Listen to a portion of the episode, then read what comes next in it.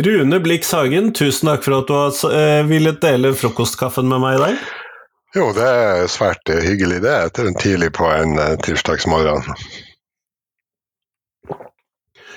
Før vi kommer sånn ordentlig i gang, kunne du fortalt de som ser på og hører på, hvem du er? Ja, mitt navn er altså Rune Blix Hagen. Akkurat nå så sitter jeg på et kontor på Universitetet i Tromsø, der jeg har jobba stort sett hele mitt liv. I dag så er jeg pensjonist, eller emeritus som det heter i disse akademiske kretser. Det betyr at jeg fortsatt beholder, litt, beholde kontoret mitt og har litt undervisning og rettene og eh, eksamensoppgaver og litt sånn arbeid. Eh, det jeg har holdt på med i uh, min tid som historiker, det er tidlig moderne tid. Fortsatt så uh, underviser jeg mine favorittema, som er engelsk historie, Tudor og Stuart, og underviser da begynnerstudenter i det. Ellers så er det da hekseforskning eller trolldomsforskning som har vært mitt tema i en årrekke. Og det er jo nettopp der vi skal være i dag. da, eh, Hvordan så disse hekseprosessene ut i Nord-Norge, Finnmark og Troms?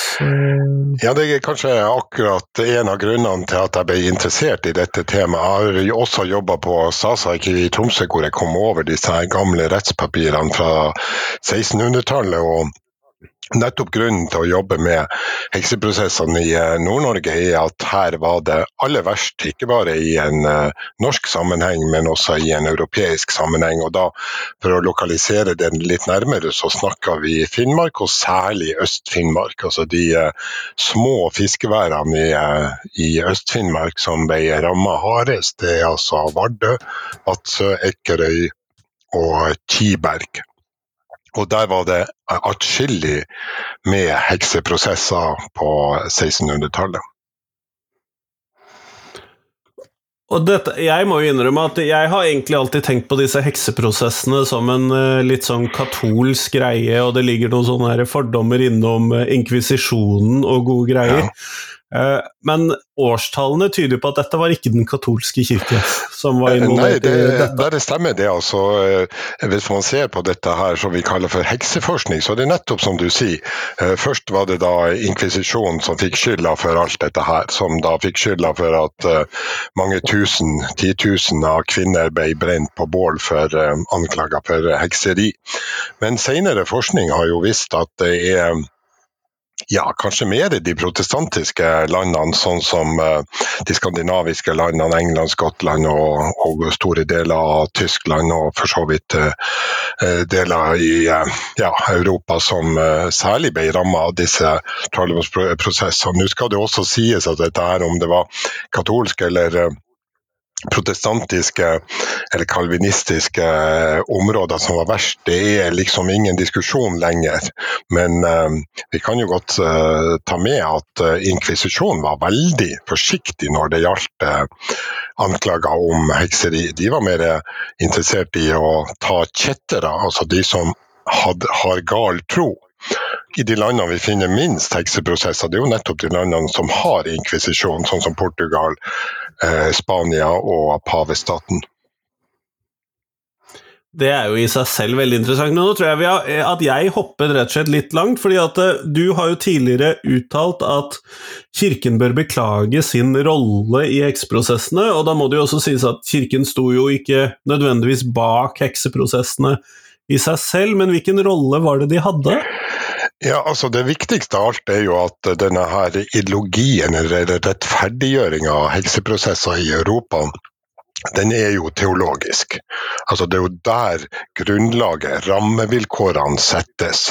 Altså Det vi gjerne kaller for demonologi, altså en vitenskapelig, i hvert fall på 1600-tallet, en vitenskapelig lære om eh, hvordan eh, man kunne avsløre hekseri og, og trolldom. Og den, den, er jo en del av teologien på denne, på denne tida. Så, så, eh, det er jo det første, at dette her et, eh, har et teologisk grunnlag. Det andre er jo at selv om, i hvert fall i protestantiske land, så sitter jo vanligvis ikke prestene i de verdslige rettene som dømmer trollfolk, men de skal vi si, har en veldig viktig utvikling utenomrettslig aktivitet. Altså dette her med å bearbeide folk som sitter under forvaring, bearbeide til å få de til å tilstå. For det ligger altså en god, en god tanke bak det å brenne det syndefulle legemet til aske.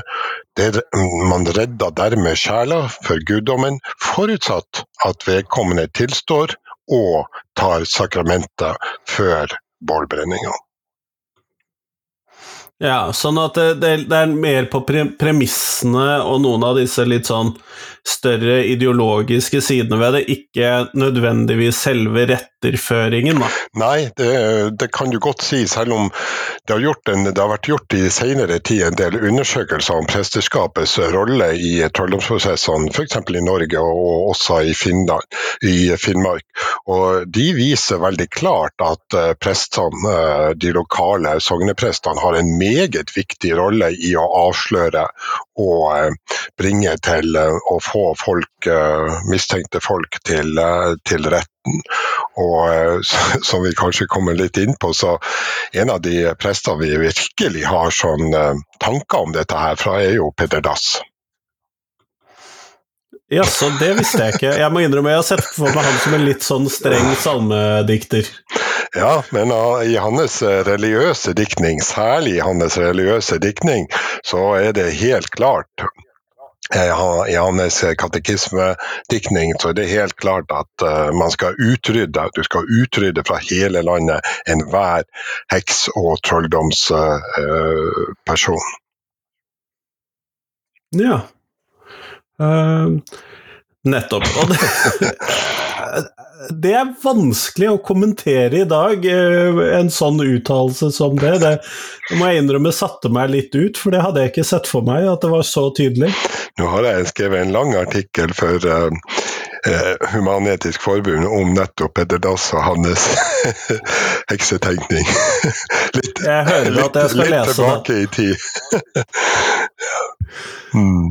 Ja, nei, den hører jeg at jeg skal lese om igjen. Men julen har eh, Hadde disse hekseriprosessene eller tanken om hekser, eller eh, Hvilken kobling var det til, julen med dette, eller var det noen kobling til julen? Ja, ofte er det gjerne sånn at uh, liksom høytidsdager gjennom uh, gjennom hele året, da er det noen dager som man ser på som ekstra farlige. altså Dvs. Si at hekseaktiviteten er ekstra stor. Man har ulike begrunnelser for dette som jeg ikke skal komme så nøye inn på, men vi ser dette i disse konkrete heksesakene. At f.eks.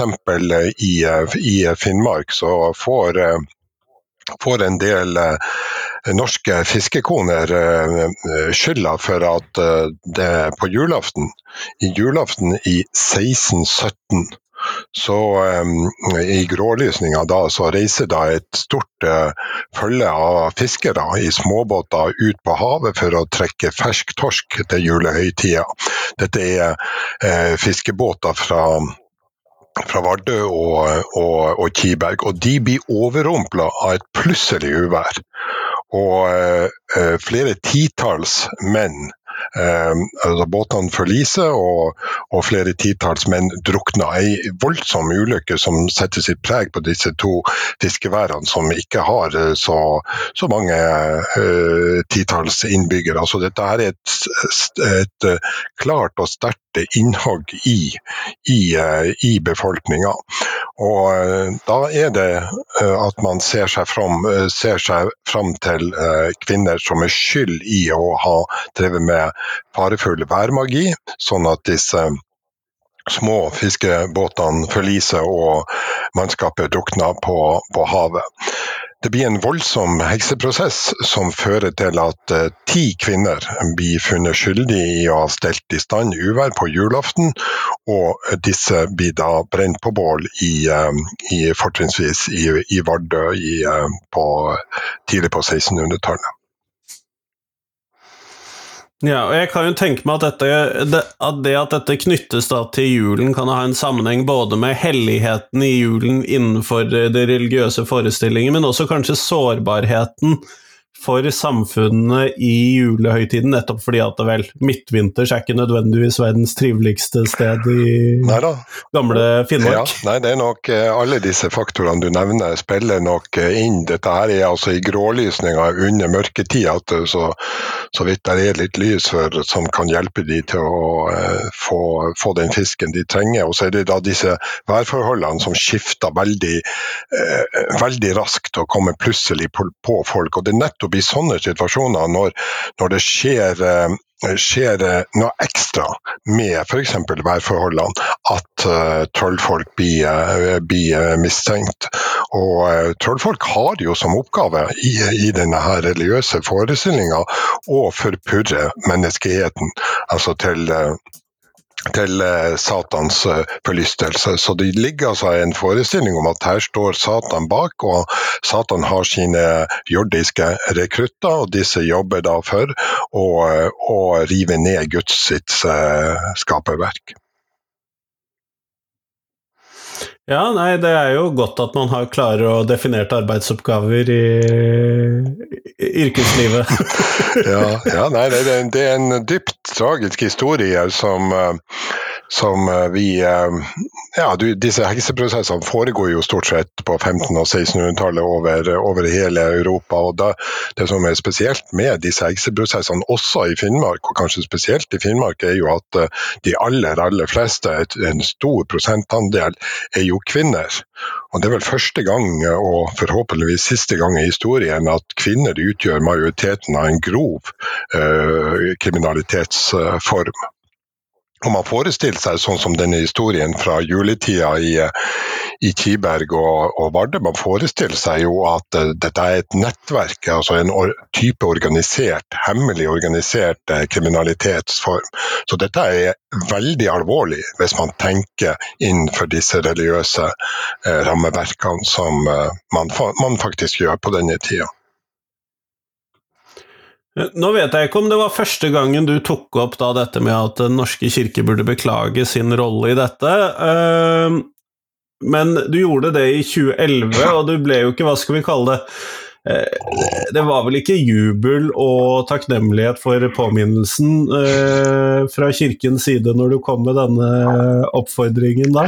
Nei, det var vel ikke helt det. Altså, jeg, var jo, eh, jeg var jo innkalt til biskopen her i, her i, i Tromsø, og sammen, sammen med sognepressen så hadde vi for så vidt et uh, hyggelig møte, uh, uten at det kom, kom så mye, mye, ut av det. Men uh, altså, én ting er jo kanskje dette her med å beklage. En annen ting var jo at det som jeg ønska å få fram, var jo mer at Kirka kunne jo kanskje gjøre noe for å sette søkelys på kirka sin historiske rolle i dette her. F.eks.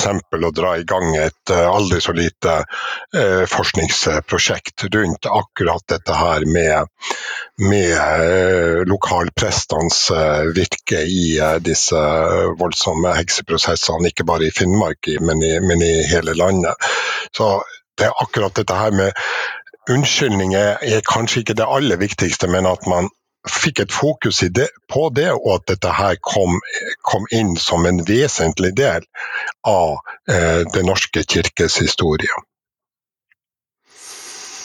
Ja, nei, og det, dette du peker på da, med de rollene som kirken hadde, og i den offentlige, i hvert fall nyhetsreaksjonen som kommer fra den daværende biskopen, pekte jo på at uh, de mente at kirken ikke hadde hatt så stor rolle, mens du nå pekte på at de nettopp kanskje hadde faktisk en rolle i dette.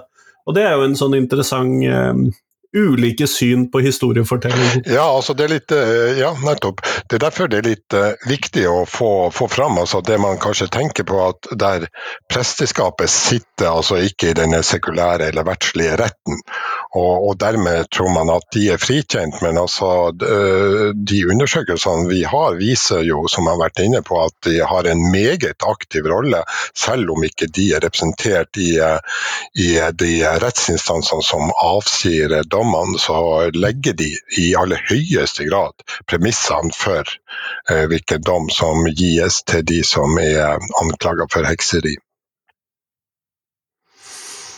Ja, og det, det er jo Og dette med sånne historiske unnskyldninger er jo på mange måter litt vanskelig, fordi at eh, det er jo ikke de som har gjort tingene, som beklager, og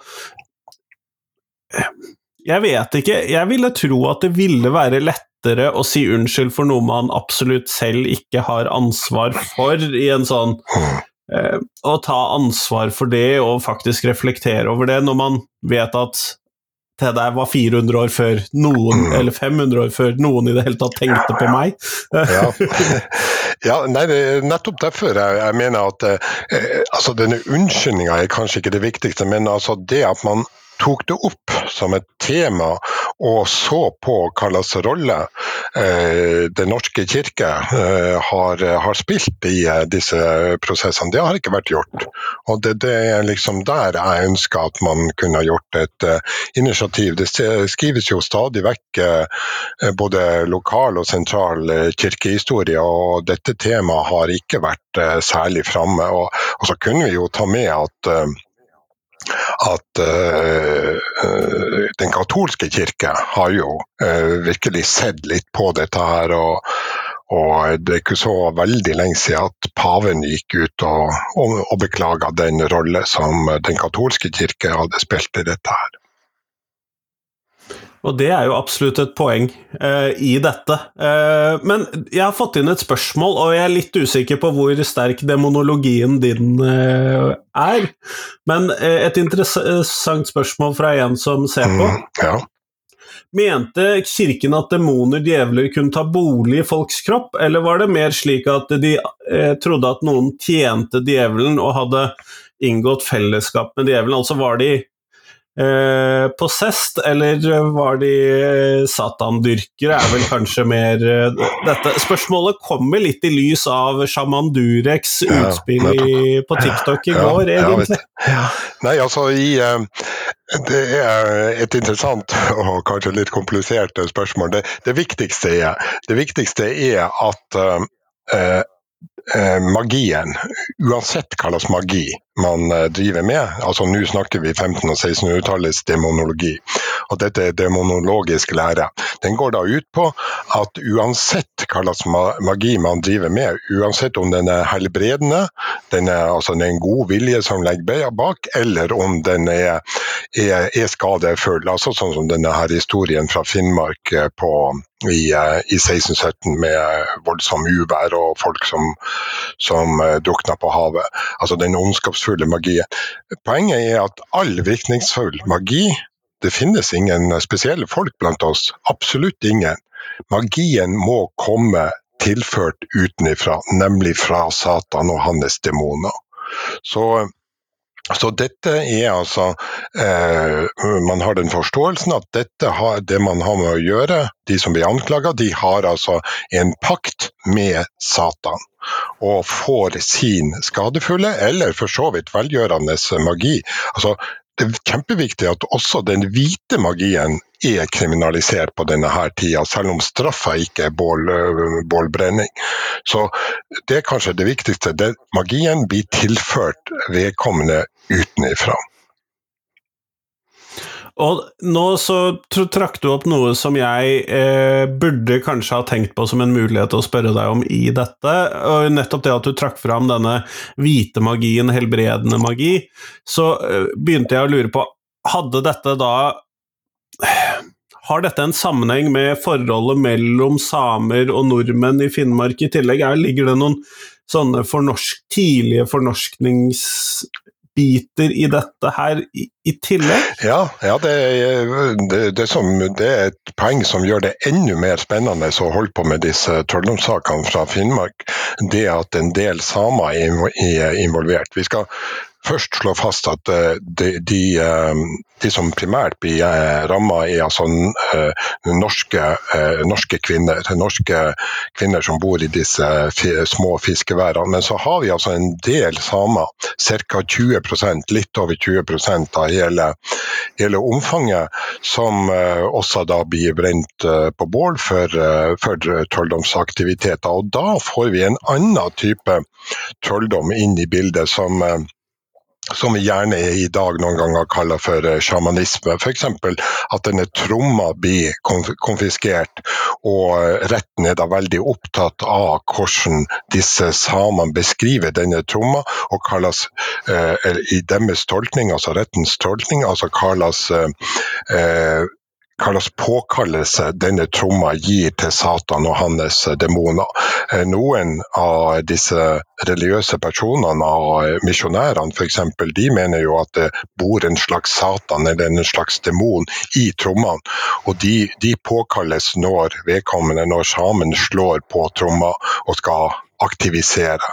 Så eh, demonen bor på en måte inne, inne i denne her tomma, og så er det da samen sjøl som tolker litt om hva demonen skal, skal, gjøre. Så dette er et kjempeinteressant tema, at du får den urbefolkninga inn i disse trolldomsprosessene i, i, i, Finnmark. Og da får vi en litt sånn annen trolldomstradisjon enn den, den kristne norske. Og, og, for å svare enda litt på ditt, ditt spørsmål, så, så, så, eh, ser vi også at uh, der er tendenser til å demonisere uh, konflikter knytta til, um, til, jord og vann. Uh, altså man kommer i konflikt med med norske, dansk-norske interesser når det gjelder f.eks. laksefiske eller, eller, fjordfiske. Og eh, Så får man da trolldom oppå dette her, og da blir det enda mer eh, alvorlig. Så det er en, det er en slags sånn demonisering av skal vi si, politiske og økonomiske konflikter i de samiske sakene.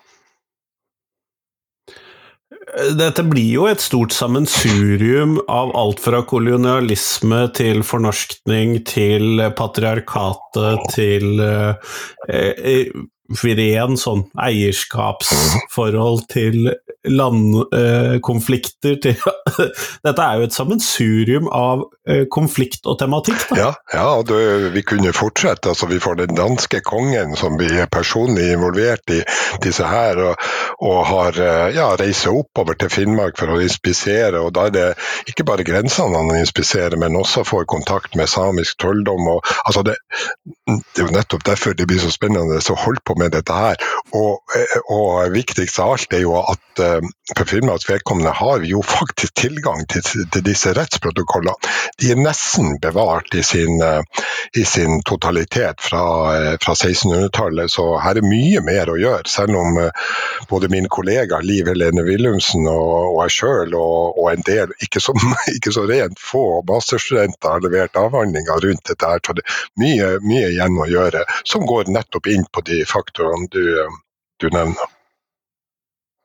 Nei, og da kan vi jo sende oppfordringen videre igjen om å faktisk undersøke dette, undersøke både statens og kirkens og i det hele tatt uh, sin rolle, og kanskje særlig i lys av da fornorskningsprosessen og det som har skjedd uh, nå det siste ja, året med oppdagelser der, så det er jo et godt tidspunkt å ha forskningsprosjekt knyttet ja, til dette. Nå skal det jo også sies at uh, dette her med, med fornorskninga og i, i, den rapporten som ble avlevert tidligere i år, så er jo i, dette er jo tatt med i, i den historiske framstillinga. Det er jo godt å høre. Jeg har fått en overordnet presentasjon fra Torjer Andreas Olsen, men ikke så dypt har jeg ikke pløyet ned i den. Ja, det, det, er ikke så mye som står, men det er altså tatt, tatt med i innledninga, den historiske innledninga til det. Kjempeflott. Tusen takk for at du tok deg tid til meg i dag, Rune. Eh, dette var svært interessant. Får ønske god jul.